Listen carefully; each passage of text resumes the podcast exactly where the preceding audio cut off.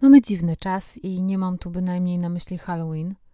Dzieją się teraz ważne rzeczy, ważniejsze niż ten i każdy inny podcast, film na YouTubie czy program w telewizji. Podcasty kryminalne nie zmieniają świata, nie zmienią prawa i mam tego pełną świadomość, ale mam też świadomość, że czasem pomagają przejść przez trudne momenty w życiu. Dlatego działam dalej, pomimo że to, co się dzieje, też mnie napełnia niepokojem. Jednocześnie wiem, że wielu z Was czeka na kolejny odcinek, bo nawet w najgorszych czasach człowiek potrzebuje się czasem oderwać od spraw wielkich i zająć głowę czymś innym. Dlatego dzisiaj, trochę na przekór tym poważnym i trudnym wydarzeniom, które się dzieją i jeszcze pewnie dziać się będą, mam dla Was zagadkę kryminalną o nieco mniejszym ciężarze gatunkowym. Zapraszam więc tych, którzy mają ochotę w tym poważnym i niewesołym czasie na na chwilę się oderwać i posłuchać o nie do końca poważnej, nierozwiązanej zagadce z czasów PRL-u. A ci, co nie chcą, mają wybór. I chyba o to w tym wszystkim chodzi. A dziś będzie o bliskich spotkaniach trzeciego stopnia w Polsce Ludowej, milicjantach i ufologach prowadzących dochodzenie w sprawie kosmitów, którzy odwiedzili maleńką wioskę na Lubelszczyźnie. Ta historia zapewnia oderwanie od rzeczywistości. Zapraszam na specjalny halloweenowy odcinek Zbrodni Prowincjonalnych.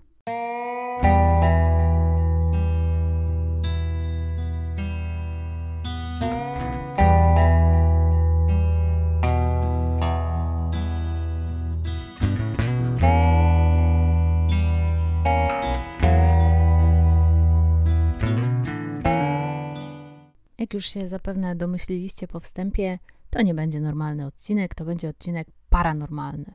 W związku z tym, że mamy Halloween, od pewnego czasu wszyscy mają fazę na horrory i różne historie z dreszczykiem, to ja też postanowiłam zrobić jakiś specjalny odcinek, ale oczywiście będzie to historia paranormalna na miarę zbrodni prowincjonalnych, czyli kosmici na furmance, rywalizacja ufologów i cała masa absurdów z latającym spotkiem, czy raczej powinnam powiedzieć autobusem w tle. Jest to takie, można powiedzieć, polskie Roswell, prowincjonalne i wiele osób wierzy, że faktycznie doszło tam do bliskiego spotkania trzeciego stopnia. Ufundowano nawet pomnik upamiętniający to wydarzenie. Nie ma tu może zbrodni, ale pojawia się pewna zagadkowa śmierć, a historia kryminalna jest całkiem konkretna i pojawiło się mnóstwo różnych teorii na temat tego, co mogło wydarzyć się w Emilcinie, ale od 40 lat wciąż do końca nikt tego nie udowodnił. Bo historia lądowania UFO w Emilcinie zaczyna się w roku 1978, w roku głośnego lotu w kosmos Mirosława Hermaszewskiego, hmm, przypadek, pierwszego Polaka w kosmosie. I nie był to jedyny taki historyczny wyczyn w tym roku, bo w tym samym 16 października Wanda Rutkiewicz zdobyła Mount Everest, jego pierwsza osoba z Polski i trzecia kobieta na świecie i dokładnie tego samego dnia papieżem został niejaki Karol Wojtyła. To też rok, w którym FSO zaczęło produkować Poloneza, symbol luksusu lat 80., a hitem w ówczesnej polskiej telewizji był serial Nocy i Dnie oraz Lalka. Tymczasem w szerokim świecie wynaleziono właśnie spam. Po raz pierwszy został w tym roku napisany i wysłany spam w internecie. W Polsce jeszcze nikt nawet nie słyszał o internecie, a oni już spamowali. A w muzyce był to początek ery disco, również za sprawą filmu Gorączka sobotniej nocy, początek sukcesów zespołu Bonnie M, a w Opolu po raz pierwszy cała Polska usłyszała Beatę Kozidrak śpiewającą Do lata, do lata, piechotą będę szła. Ten właśnie pamiętny rok 1978 UFO wybrało sobie, by wylądować w Emilcinie, wiosce liczącej sobie około 200 mieszkańców i położonej na Lubelszczyźnie w gminie Opole Lubelskie. Trudno stwierdzić, dlaczego wybrało sobie właśnie tę miejscowość. Dziś Emilcin znany jest właściwie tylko z tego, że stał się miejscem lądowania UFO. Jest tutaj pomnik UFO z nieco złowrogo brzmiącym napisem Prawda nas jeszcze zadziwi. Zawsze w czerwcu odbywa się tu piknik ufologiczny. Ogólnie widać, że lokalne władze starają się temat jakoś monetyzować i dobrze, bo czemu nie. Ale zanim pojawiło się UFO, o Emilcinie właściwie nikt nie słyszał. I była to po prostu jedna z wielu niczym się nie wyróżniających wsi jakich pełno jak Polska długa i szeroka. I obecnie właściwie trudno znaleźć jakieś informacje na jej temat, bo wszyscy piszą tylko o historii Emilcina związanej z lądowaniem UFO. zupełnie jak gdyby przed 1978 rokiem w ogóle to miejsce nie istniało. Istnieje jednak z pewnością znacznie dłużej, przynajmniej od 1859 roku, bo z tego to roku pochodzi pierwszy znany dzisiaj akt urodzenia, w którym jako miejsce urodzenia odnotowany jest właśnie Emilcin. Wojny światowe i inne historyczne zawirowania też raczej łagodnie się z tą miejscowością obeszły i jej czas nadszedł dopiero w roku 1978. Ale zanim cofniemy się do tych wydarzeń, zatrzymajmy się jeszcze chwilę w roku 1981, a dokładnie 4 lutego. To był jeden z tych brzydkich, szarych dni zimowych, kiedy temperatura jest koło zera, i właśnie w taki dzień we wsi Emilcin, a właściwie na leśnej polanie na skraju wsi, zostało znalezione ciało 40-letniego Edwarda Wolskiego. Sąsiad z pobliskiej miejscowości, pan Tadeusz, szedł rano przez las, gdy najpierw zobaczył porozrzucane na ziemi ubrania, a po chwili rozebranego do połowy Edwarda, który nie dawał znaków życia. Mężczyzna poszedł do Wolskich, których dom był oddalony zaledwie kilkaset metrów od tej polany, by zawiadomić ich o swoim odkryciu i wezwać odpowiednie służby. Tak się złożyło, że pan Tadeusz miał z Edwardem trochę na pieńku ostatnimi czasy, bo Wolski wziął od niego zaliczkę na wykonanie jakiejś usługi, której nigdy nie wykonał, a pieniędzy nigdy nie oddał. Tadeusz już kilkukrotnie mu groził, dochodziło między nimi do kłótni, dlatego też w pierwszej chwili część rodziny Wolskich uznała, że to właśnie on zabił Edwarda. Jednak dość szybko ustalenia biegłego medycyny sądowej obaliły te teorie. Mężczyzna miał we krwi około 2 promili alkoholu oraz fakt, że spędził noc na dworze w lutym właściwie wyjaśniała sprawę. Za przyczynę śmierci uznano wychłodzenie organizmu. To, że mężczyzna się rozebrał, też nie było niczym niespotykanym w takich sytuacjach, bo człowiekowi pod wpływem alkoholu robi się gorąco, bo rozgrzewa go od środka, więc zdejmuje ubrania i wtedy z kolei szybko następuje wychłodzenie, a później równie szybko osłabienie, senność. No i jak się w takim stanie zaśnie na dworze przy niskiej temperaturze, to niestety, ale szanse na przeżycie są małe. Potwierdzono też, że poprzedniego dnia Edward pił alkohol z sąsiadami, więc tutaj jakby się wszystko zgadzało. Później był też widziany jak taki dość wstawiony, chwiejnym krokiem wracał przez las.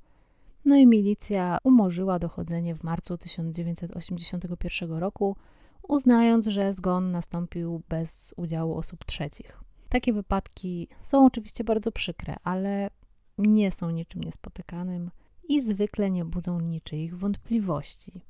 Ale tym razem wzbudziły. Była grupa osób, dla których śmierć Edwarda była czymś więcej niż tylko wypadkiem – była wydarzeniem bardzo tajemniczym, a to z powodu miejsca, w którym do niej doszło.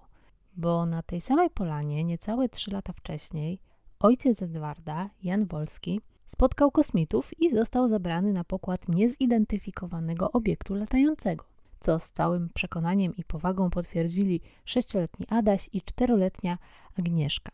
Co więcej, leżał na diabelskim, emilcińskim kamieniu, który miał tendencję do przemawiania w snach do jego dziadka. Ale że co? Dobra, zacznijmy od początku. Co wydarzyło się w Emilcinie w 1978 roku? Zacznijmy od wersji Jana Wolskiego, czyli uczestnika bliskiego spotkania trzeciego stopnia, którego relacje można usłyszeć w różnych wywiadach i reportażach. To był maj, a konkretnie 10 maja, i 71-letni rolnik z Emilcina, Jan Wolski, wyjechał wczesnym rankiem do pobliskiej Dąbrowy Pusznieńskiej, by zawieźć swoją klacz do ogiera rozpłodowego którego właścicielem był Leon Rak. Ta informacja nie ma żadnego znaczenia. Zamiast szosą wracał do domu leśną drogą, bo koń, który ciągnął wóz, nie był podkuty, dlatego na twardej nawierzchni trudniej mu było iść. Dzień był mglisty, chłodny, zdarzały się przelotne opady deszczu i nieprzyjemny wiatr. Zbliżała się godzina ósma rano, a Jan był już jakieś 600 metrów od swojego gospodarstwa, gdy ujrzał idące drogą dwie niewielkie postacie. Miały około półtora metra wzrostu, jednak nie były to dzieci.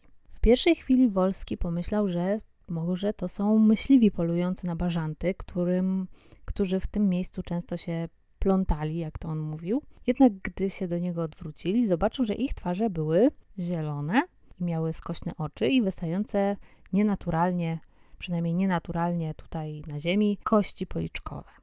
Dziwni goście mieli też wybrzuszenia na karku i błony pławne między palcami, a do tego, do tego ich stopy przypominały trochę takie płetwy, miały kształt takich trapezów. Trochę jak takie płetwy do nurkowania, które się zakłada. Jan Wolski nazywa ich potworakami i też, jak później opowiadał, skojarzyli mu się z Chińczykami. I ci zieloni Chińczycy, jak zobaczyli nadjeżdżającego Jana, dali mu znak, żeby się zatrzymał, po czym wskoczyli na jego wóz. A on ruszył dalej, bo w tej okolicy to było normalne, że się podwoziło, jak się kogoś po drodze spotkało. UFO, nie UFO. Jan kompletnie w to nie wnikał. Jak sam twierdzi, on tam nie jest jakiś wrażliwy, niczego się nie boi. Jak byli Niemcy, to ludzie się bali, on miał na wszystko czas. Przyznaje też, że jakby go dzik miał rozerwać, no to by się bał, ale jak ktoś grzecznie się ukłoni, to nieważne jak tam wygląda, bo i czegoż tu się bać. Uważam, że to jest super. Jedyne, co go zdziwiło, to to, że istoty wydały się takie wyjątkowo ciężkie, bo jego furmanka aż się pod nimi ugięła, jak usiadły. A do tego mówiły w dziwnym języku, jak to określił, drobniutko a gęsto. I tak przejechali kawałek, aż dojechali do leśnej polany. Ta polana jest dzisiaj już legendarna, nawet została oznaczona na Google Maps. Można wpisać miejsce lądowania UFO Emilcin i wyskoczy Wam właśnie to miejsce. Są też, jak to na Google Maps, opinie o tym miejscu i gwiazdki. I ta polana ma więcej gwiazdek i opinii niż niejedna knajpa. I moja ulubiona recenzja, pięciogwiazdkowa. Przyjemne miejsce, nie tylko ze względu na wydarzenia z 1978. Fajny las, mnóstwo grzybów. Także innymi słowy, zawsze warto. Jak nie spotkacie UFO, to przynajmniej nazbieracie grzybów, ale bez żartów. Nad tą polaną w Emilcinie unosił się, jak relacjonował później Jan Wolski, coś jakby samochód. I to już Jana Wolskiego trochę jednak zdziwiło, bo zielonych autostopowiczów przyjął tak raczej beznamiętnie i opisywał później ten pojazd kosmiczny, że wyglądał jak mały biały autobus. W PRL-u nawet UFO jakieś takie biedniejsze niż na zachodzie występowało, jak widać, nie żaden latający spodek futurystyczny, tylko autobus i to jeszcze mały. Z tego autobusu zwisała, jak to określił Jan Wolski, windeczka, do której zaprosili go zieloni autostopowicze. Jan Wolski w ogóle miał wielkie upodobanie do zdrobnień, które przez cały czas się przez te jego relacje przewijają i sprawia to, że brzmi to jeszcze bardziej bajkowo. I w tym latającym autobusie czekały na nich jeszcze dwa zielone ludziki w czarnych kombinezonach, po czym kazali się Janowi Wolskiemu rozebrać, co też ten bez żenady uczynił, a zapytany później przez dziennikarkę o to, czy nie wstydził się tak na golasa przed obcymi kosmitami, odpowiedział, że jak rozkaz to rozkaz. W wojsku się rozbierał, to tutaj też może. Zachwyca mnie usposobienie tego człowieka. Kosmici najpierw go oklepali czymś, co wyglądało jak talerzyczki, następnie uznali za szczególnie interesujące zjawisko jego pasek od spodni i długo mu się przyglądali podobno i się wykrzywiali w taki dziwny sposób, który Jan Wolski uznał za uśmiech. Kosmici zajadali się też czymś, co wyglądało jak sople lodu i Jana Wolskiego też częstowali, no ale się nie skusił. Poza tym w statku kosmicznym leżało podobno dużo śniętych ptaków i stały ławeczki. Po tych oględzinach kosmici pokazali Wolskiemu, że już może iść. Na co ten ukłonił się, powiedział do widzenia i kosmici mu się uprzejmie odkłonili. No i tak zakończyło się jego bliskie spotkanie trzeciego stopnia. I co mnie od razu zainteresowało w tym opisie, to że emocje, jakie opisuje Jan Wolski, są zupełnie inne od tych, do których jesteśmy przyzwyczajeni i o których się zwykle słyszy w jakichś takich najbardziej znanych relacjach o UFO gdzieś w USA. Albo jak pokazywali w serialu z Archiwum X, z którego odnoszę wrażenie, wielu z nas czerpie swoją wiedzę o UFO. Ja jestem tego przykładem. I tam zwykle jest to opisywane jako takie traumatyczne jakieś doświadczenie, coś bolesnego, upokarzającego, jakieś luki w pamięci, jakieś potem problemy psychiczne. Ogólnie te doświadczenia są takie bardzo negatywne. No, opowieść Jana Wolskiego brzmi w ogóle jak z jakiejś Akademii Pana Kleksa. Jeszcze tam brakuje, żeby ci kosmici zaczęli tańczyć i śpiewać. Po powrocie do domu Jan Wolski zwołał dzieciaki, zaczął opowiadać o swoim spotkaniu, na co jeden z jego synów, jak usłyszał, że zielone twarze, no to stwierdził, że pewnie harcerze rozbili namioty. Rodzina i sąsiedzi oczywiście natychmiast ruszyli na polanę, ale no nie zaskoczę was chyba, jak powiem, że na polanie już żadnego latającego autobusu nie było. Zobaczyli natomiast podobno odciśnięte w trawie i błocie ślady. Najczęściej mówi się o tym, że w błocie był widoczny jeden taki duży ślad w kształcie trapezu. Są też sugestie, że miał on być taki jakoś dziwnie wypukły, taki, że nie mogły go zostawić takie zwykłe ludzkie buty. Co ma oczywiście dowodzić jego pozaziemskiego pochodzenia. Ja sobie myślę, że jak się noga poślizgnie na błocie, to można taki ślad zostawić bez udziału cywilizacji pozaziemskiej. W każdym razie nikt nigdy tego śladu nie sfotografował, nie zrobił żadnego odlewu, a w kilka godzin później już ta polana była tak zadeptana przez okolicznych mieszkańców, że nic sensownego z tych śladów i tak by się nie dało wydedukować. Nie można też pominąć faktu, że opis tych śladów ewoluował z upływem czasu. Po kilku latach okazało się, że w miejscu, w którym lądował statek kosmiczny, nie było rosy, a nawet, że trawa odbarwiła się w tym miejscu i została tak jeszcze na wiele lat odbarwiona, o czym we wcześniejszych wywiadach jakoś nikt nie wspominał. I wkrótce na miejscu zjawiła się milicja obywatelska z Opola Lubelskiego, w reportażu radiowym Łąka na skraju wszechświata wypowiada się jeden z milicjantów, który wspomina, że otrzymał wezwanie od dyrektora szkoły, który miał już dosyć tego, że dzieci, które rano przyszły do szkoły po tym wydarzeniu, o niczym innym nie mówią, tylko o UFO, co może prowadzić do różnych nieprawomyślnych i nie dość socjalistycznych teorii, więc w związku z tym należałoby wyjaśnić, co się właściwie wydarzyło w Emilcinie, żeby te nastroje nieco uspokoić. I ten milicjant, który tam się wypowiada, konsekwentnie nazywa ich Marsjanami. Reportaż jest na YouTubie, też Wam go linkuję w źródłach. I jak się można spodziewać, no, opowieści Wolskiego szczególnie poważnie milicja nie potraktowała. Uznali, że albo był pijany i mu się coś przywidziało, albo po prostu przysnął i mu się to wszystko przyśniło. Co się rzucało w oczy, to jedynie ślady wozu obok drogi i obok kawałek wygryzionej trawy, co zdaniem milicjantów oznaczało, że po prostu Wolski przysnął a koń sobie zszedł na pobocze i zaczął jeść trawę, podczas gdy jego pan sobie drzemał. Milicja nie była też chyba pod wrażeniem zeznań dwóch innych wiarygodnych jakże świadków, czyli Adasia lat 6 i Agnieszki lat 4, którzy mieli rzekomo widzieć ten dziwny samolot, jak startował. A ich matka która akurat smażyła placki, ponoć słyszała w tym czasie jakiś huk. Jeśli ktoś by oczekiwał, że tak jak na amerykańskich filmach zjechał tam pułk wojska, służby specjalne, sztab naukowców, otoczyli wieś taśmą policyjną, czy raczej milicyjną, w sumie nie jestem pewna, czy istniała taśma milicyjna. Podejrzewam, że funkcję jej pełnił raczej milicjant, który mówił tu nie wolno. Nieważne. Nie było w każdym razie badaczy w białych kombinezonach biorących do analizy próbki gleby, ani nic z tych rzeczy. Milicja i władze państwowe nie zamierzały rozwiązywać sprawy lądowania w Emilcinie. Nie udokumentowali żadnych śladów w błocie, nie zabezpieczyli dowodów. Zresztą chyba w momencie, kiedy oni tam dotarli, już nie było czego zabezpieczać, bo już tam się tylu gapiów zeszło, że żadnych śladów tam nie było. Obśmiali mieszkańców i pojechali. Późniejszych wypowiedzi wynika, że przyjęli wersję, że Wolski przysnął sobie jadąc furą, że niedawno w telewizji były filmy naukowo-sensacyjne o Marsjanach, jak to mówi policjant właśnie we wspomnianym reportażu, no to taki sen mu się przyśnił. Jak to się więc stało, że do dziś lądowanie w Emilcinie jest uznawane za najlepiej udokumentowany i przebadany przypadek pojawienia się UFO w Polsce i jeden z najlepiej udokumentowanych w Europie? Ano tak, że sprawy wzięli w swoje ręce polscy ufolodzy. A przede wszystkim przy tej sprawie pojawiają się dwa nazwiska i to są Zbigniew Blania-Bolnar i Witold Wawrzonek.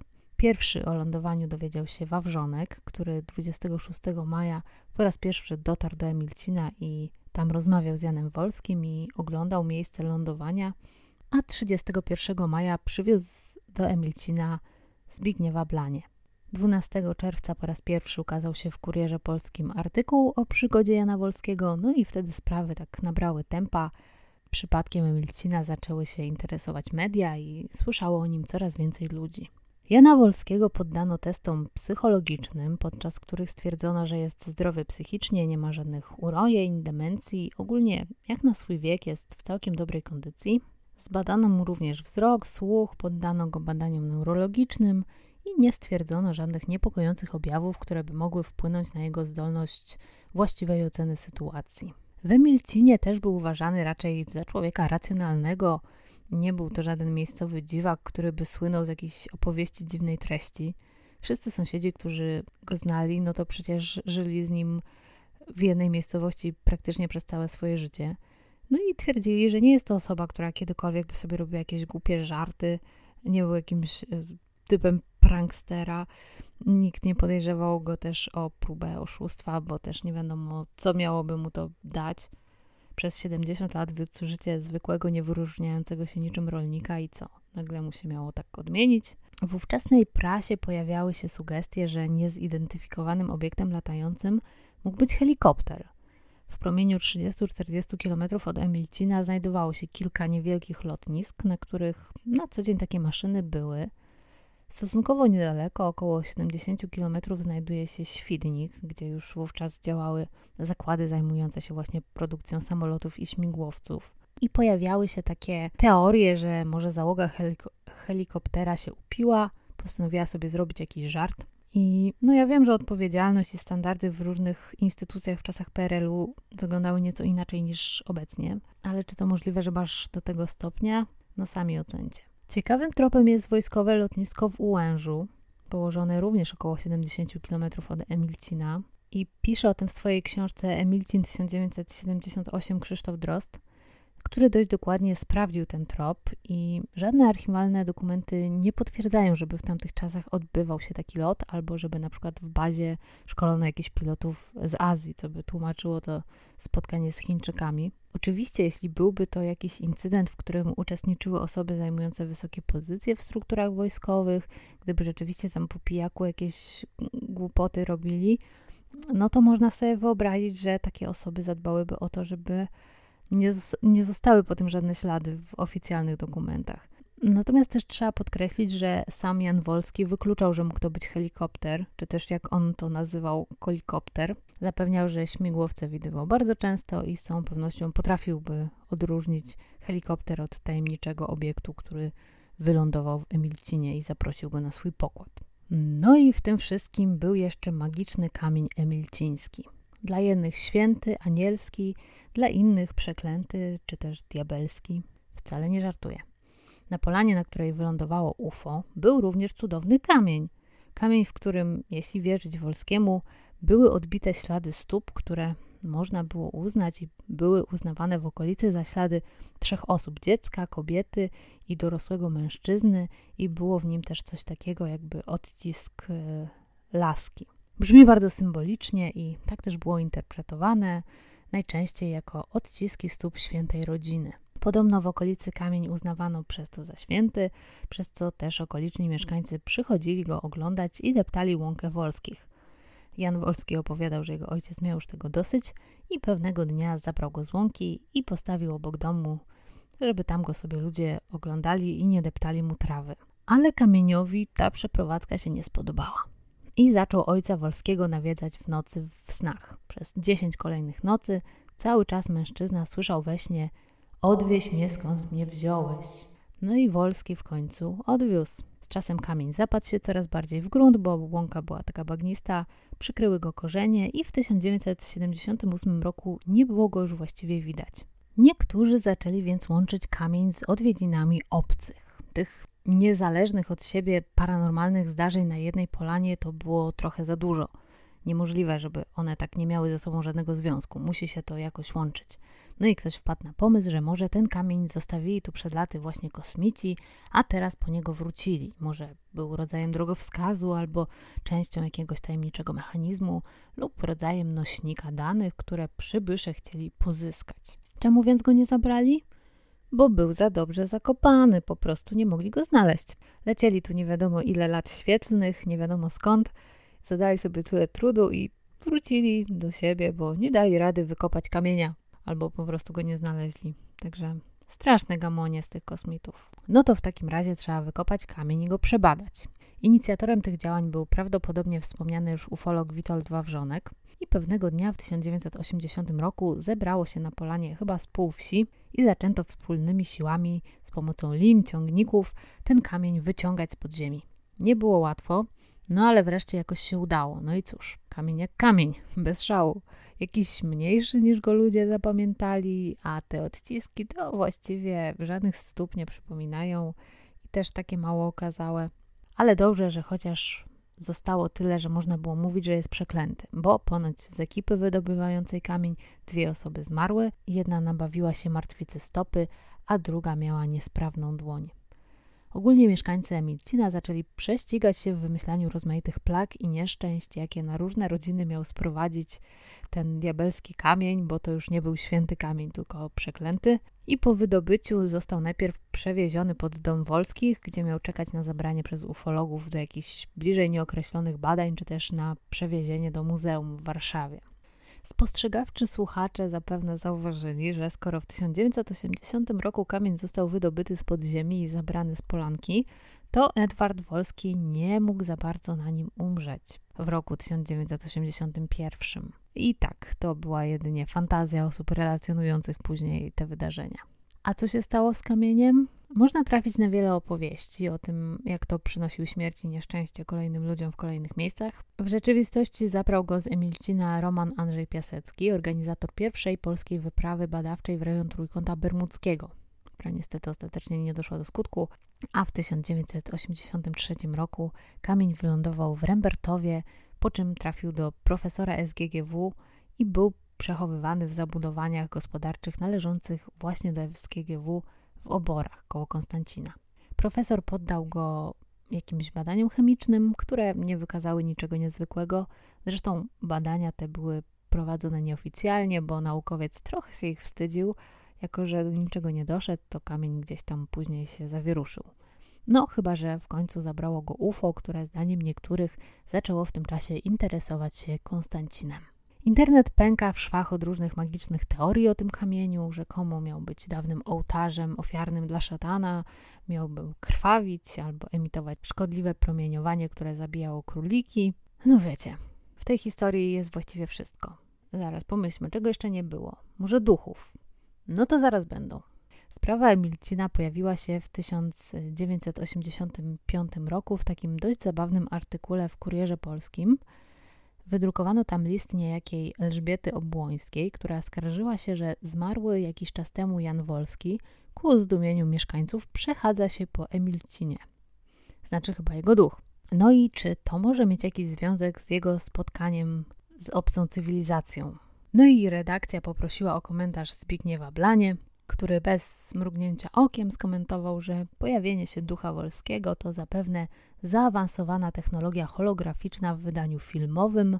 Otóż podczas owego badania na pokładzie latającego autobusu kosmici mogli wykonać obraz holograficzny Wolskiego i teraz odtwarzają go w Emilcinie. I okej, okay, że taka technologia istnieje, to my dziś doskonale wiemy. Koncerty Michaela Jacksona po jego śmierci, no znamy to wszyscy.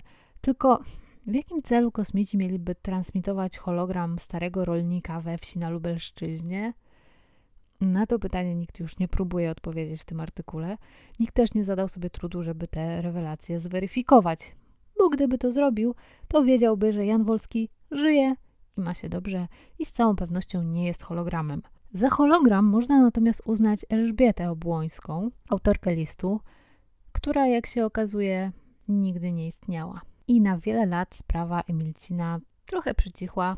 Przyszły czasy transformacji. Miłośnicy paranormalnych historii mieli teraz dostęp do publikacji filmów o Roswell, strefie 51. Było też z archiwum Mix. I rodzime UFO odeszło trochę do lamusa, zwłaszcza, że nic nowego w tej sprawie już się nie pojawiało.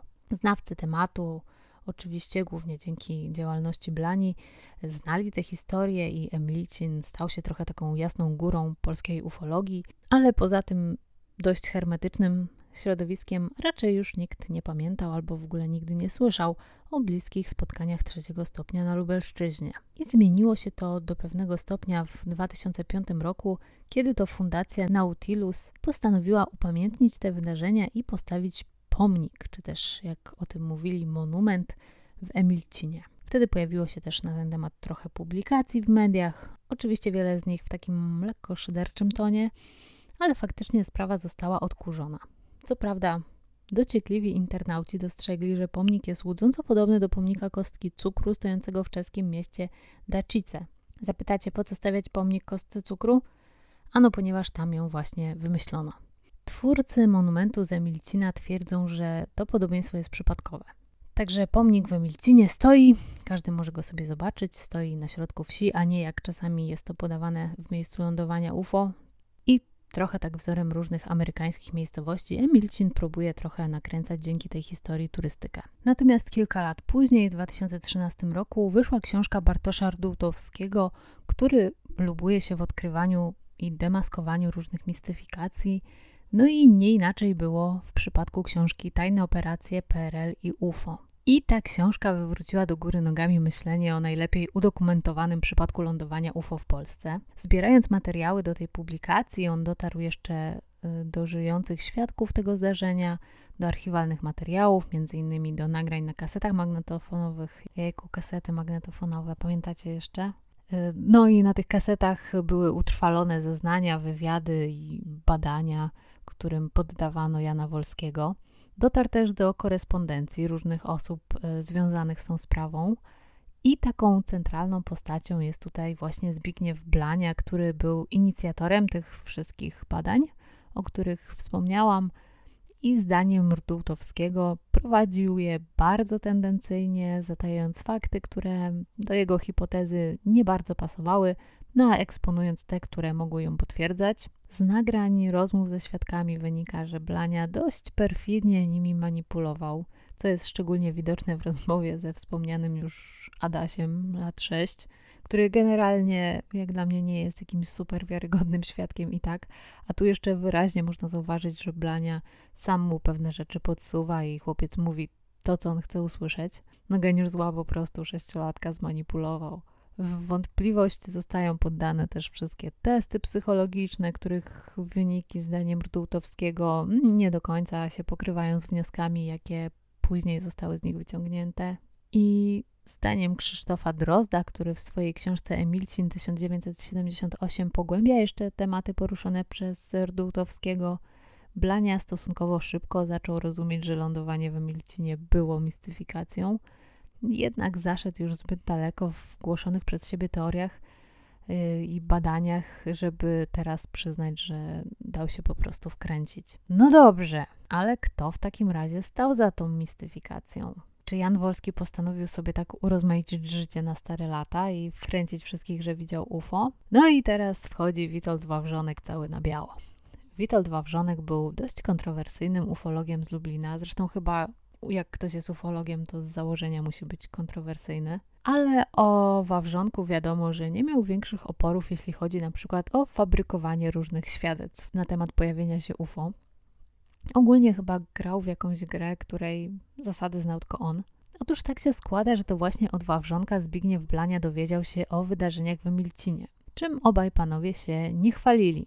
To znaczy w przypadku Blani to oczywiste, że nie chciał w końcu wolał być jedynym ufologiem, który dokumentuje to zdarzenie i pisze o nim, jest głównym ekspertem. Pytanie tylko, dlaczego nie chwalił się tym Wawrzonek i dlaczego sam jako ambitny ufolog oddał ten temat bez żalu innemu badaczowi tych zjawisk.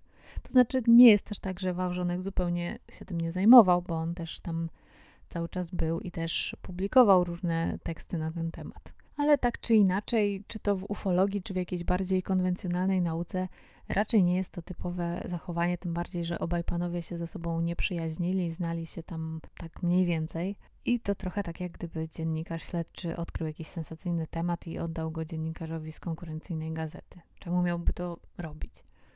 No i pierwszą odpowiedzią, która się nasuwa, jest, że po to, żeby go wsadzić na minę. Pamiętacie nieistniejącą Elżbietę Obłońską i jej ducha Jana Wolskiego? Otóż Rdułtowski i Drost dowodzą w swoich książkach, że był nią nie kto inny jak właśnie Witold Wawrzonek. Co więcej, obaj autorzy znajdują wiele powiązań Wawrzonka z okolicami Emilcina. Miał tutaj mieć rodzinę, którą odwiedzał i podobno znał też wcześniej już e, jednego z synów Wolskiego. No dobrze, ale jak w takim razie? Wpadł do nich i zapytał Jana Wolskiego, czy by nie poudawał, że widział UFO, a Wolski stwierdził, no dobra, to poudaje. No tu Rdułtowski sugeruje, że Jan Wolski mógł zostać poddany hipnozie. I pewnie zastanawiacie się teraz, no dobrze, ale po co tyle zachodu, żeby ośmieszyć jakiegoś ufologa? Co niby bez tego miał mieć? Ano, jedną z najstarszych motywacji, czyli zemstę. Otóż yy, wiosną 1978 roku Wawrzonek i Blania mieli wziąć udział w nagraniu programu telewizyjnego o UFO. Zaproszony do studia w Warszawie został również niejaki Lech Emfazy Stefański. Dziś postać nieco zapomniana, ale był to człowiek o bardzo bogatej i barwnej biografii, powstaniec warszawski, pisarz, reżyser, a także miłośnik i badacz zjawisk parapsychologicznych. I taka mała ciekawostka, jeśli pamiętacie z dzieciństwa serial Siedem Życzeń, to Lech Stefański pojawia się tam w takiej epizodycznej roli e, hipnotyzera w telewizji, który hipnotyzuje ojca jednego z chłopców. I również w takim charakterze wystąpił Stefański w programie z udziałem Blani Wawrzonka. Program miał nosić tytuł Kto widział UFO? Miał, bo nigdy nie został ostatecznie wyemitowany. Podobno taśmy uległy zniszczeniu jeszcze przed montażem. Przynajmniej tak powiedziano panom, którzy w programie wystąpili, ale może po prostu z jakiegoś powodu zrezygnowano z tego tematu. Może ktoś stwierdził, że jest niezgodny z duchem socjalizmu albo coś w tym stylu, jak to w tamtych czasach bywało. Jednak zachowały się listy i wspomnienia, z których wynika, że taki program rzeczywiście był nagrywany. Podczas niego Witold Wawrzonek miał zostać zahipnotyzowany, choć prawdopodobnie nie został o tym wcześniej poinformowany. Następnie Blania miał mu podsuwać fałszywe wspomnienia dotyczące spotkania z UFO. Tym samym Wawrzonek został w tym programie ośmieszony i chyba nie potraktował tego z dystansem.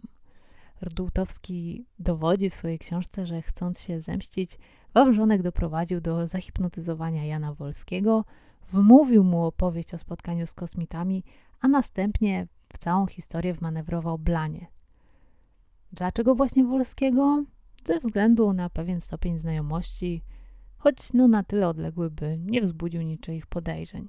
I o ile wierzę, że rzeczywiście wydarzenie w Emilcinie mogło być mistyfikacją, o tyle nie do końca przekonuje mnie ta motywacja y, Wawrzonka, bo trochę dziwne wydaje mi się to, że nigdy nie postanowił on tego Blani ostatecznie zdemaskować czy ośmieszyć, bo wtedy jakby miałoby to sens, jeśli Wawrzonek by w którymś momencie udowodnił, że Blania kompletnie się pomylił i nie rozpoznał mistyfikacji. Natomiast Wawrzonek również na ten temat pisał, y, również o tym opowiadał, publikował, także był w ten temat zaangażowany przynajmniej tak bardzo jak Blania. Nie widzę tutaj za bardzo tego elementu zemsty w tym wszystkim, bo Blania na tej sprawie się wybił, napisał dwie książki, wygłosił nie wiadomo ile odczytów i tak naprawdę tylko mu się ona przysłużyła, a wcale go nigdy nie ośmieszyła i też Wawrzonek nigdy nie zrobił niczego, żeby, żeby spróbować y, Blanie przy wykorzystaniu tej sprawy zdemaskować, czy ośmieszyć, czy wykazać jego niekompetencje. Bardziej byłabym skłonna uwierzyć w to, że Wawrzonek rzeczywiście zorganizował tę mistyfikację po to, żeby mieć swój własny sukces i zaprosił Blanie do współpracy właśnie po to, żeby jakoś uwiarygodnić tę swoją historię, a wcale nie dlatego, żeby się na nim zemścić. Od tamtej pory w Emilcinie i okolicach oczywiście ciągle ktoś od czasu do czasu musi zobaczyć UFO. Możecie sobie poczytać o tym na stronie emilcin.com, ale zachęcam do korzystania z tej strony w ograniczonym zakresie, bo można trochę stracić kontakt z rzeczywistością od ilości historii o UFO, które tam są. Mnie najbardziej urzekł portret pamięciowy UFO sporządzony bardzo profesjonalnie przez niejakiego pana Lecha. Wrzucam go wam w źródłach, żebyście mogli też ocenić. I pomimo tych dwóch książek, które no, masakrują prawdziwość wydarzeń w Emilcinie, wciąż część osób poddaje te ustalenia wątpliwość i wierzy, że w Emilcinie w 1978 roku Jan Wolski spotkał przybyszów z innej planety i przyznaję, że dla mnie ta wersja z hipnozą też jest trochę taka naciągana, może mniej fantastyczna niż UFO, ale wciąż jednak trochę fantastyczna. Nie bardzo sobie wyobrażam, jakby to się miało odbywać, szczerze mówiąc. Znaczy, Witold Wawrzonek zaczaił się w krzakach i jak zobaczył Wolskiego, to wyskoczył na drogę jak w kreskówce zaczął machać wahadełkiem i mówić, twoje powieki stają się ciężkie, a Wolskiemu się pojawiły takie spirale w oczach i, i, i zasnął. O ile jestem skłonna uwierzyć, tak jak powiedziałam już w ten pomysł mistyfikacji wynikającej z rywalizacji między ufologami albo w ogóle z chęci stworzenia jakiegoś takiego wydarzenia ufologicznego, no to już na, sam, na etapie samego przeprowadzenia tej mistyfikacji Mam wrażenie, że nikt jeszcze nie zaproponował takiego przebiegu tych zdarzeń, który by był dla mnie taki całkowicie wiarygodny. Dlatego mam wrażenie, że historia Emilcina wciąż jeszcze kryje wiele tajemnic. I chociaż te historie o diabelskim kamieniu, czy tajemniczej śmierci Edwarda Wolskiego, no to są takie miejskie legendy, czy raczej wiejskie legendy, i traktowałabym je raczej jako element folkloru no to to, co się stało, że właśnie Jan Wolski z jakiejś nikomu nieznanej wsi stał się bohaterem tej rozgrywki między dwoma ufologami, już y, jest dla mnie ciekawym pytaniem i co tak naprawdę on widział, albo mu się wydawało, że widział i dlaczego, to nadal pozostaje zagadką. Oczywiście najprostszym wyjaśnieniem byłoby powiedzieć, że Jana Wolskiego po prostu ktoś przekupił, no ale kto by go miał przekupić? No najprędzej Witold Wawrzonek. Natomiast y, no, z, z, tego wszystkiego, co o nim wiadomo, to raczej nie był to człowiek zamożny i raczej jakichś większych kwot y, nie mógłby przeznaczyć na, na taki cel. No nie wiem, nie wiem w sumie ile, ile kosztuje przekupienie kogoś, żeby udawał, że widzi UFO, no ale wydaje mi się, że musiała być to jakaś taka spora suma, żeby ktoś rzeczywiście chciał w to brnąć przez tyle lat. No i też Jan Wolski był chyba na tyle takim prostym człowiekiem, że, że gdyby oszukiwał, to stałoby się to dość szybko widoczne i oczywiste dla wszystkich. Natomiast rzeczywiście, jak się go słucha, no to można odnieść wrażenie, że on wierzy w to, co mówi. Może i PRL był szary i przygnębiający, ale jak wynika z dzisiejszej historii, nie brakowało w nim barwnych postaci i zadziwiających pomysłów. Ja jestem zdania, że we wszechświecie powinno istnieć jakieś inne życie poza nami, inaczej byłoby to okropnym marnotrawstwem miejsca, ale jeśli to życie ma odrobinę rozsądku, to będzie się trzymało od nas jak najdalej. Myślę, że dzisiejsza historia dobrze pokazuje, jak bardzo sceptycznie należy podchodzić do wszelkich przypadków bliskich spotkań. Natomiast zachwyca mnie, jak uroczo prowincjonalne i swojskie było to lądowanie w Emilcinie, kosmici łapiący na stopa furmankę, latający autobus, zaczarowany kamień. Jestem absolutną fanką tej historii i mam nadzieję, że Was też zainteresowała. Pod linkiem w opisie są wszystkie źródła, są tam też linki do wywiadów z Janem Wolskim wersji wideo i audio więc możecie sobie go tam usłyszeć. Są też książki, zarówno te, które próbują dowodzić prawdziwości wydarzenia w Emilcinie, jak i te, które je demaskują. Ja przeczytałam z nich tylko te Krzysztofa Drozda, Emilcin 1978, bo pozostałe pozycje są dość trudno dostępne już. A ta jest najnowsza i też z tych wcześniejszych dość sporo czerpie. Także gdybyście chcieli dalej zgłębiać sekrety Emilcina, to warto od niej zacząć, bo ja też powiedziałam tylko o kilku rzeczach, które w niej się znajdują. Tamten temat jest zdecydowanie bardziej pogłębiony. Jestem ciekawa, czy ta wersja z hipnozą wydaje Wam się wiarygodna, czy może przychylacie się jednak do innych teorii. Jeśli macie ochotę podzielić się swoimi spostrzeżeniami, to dajcie znać w komentarzach. To tyle na dziś. Dziękuję za wysłuchanie. Życzę Wam zachowania odrobiny optymizmu i spokoju pomimo wszystko i do usłyszenia za tydzień w kolejnym odcinku Zbrodni Prowincjonalnych.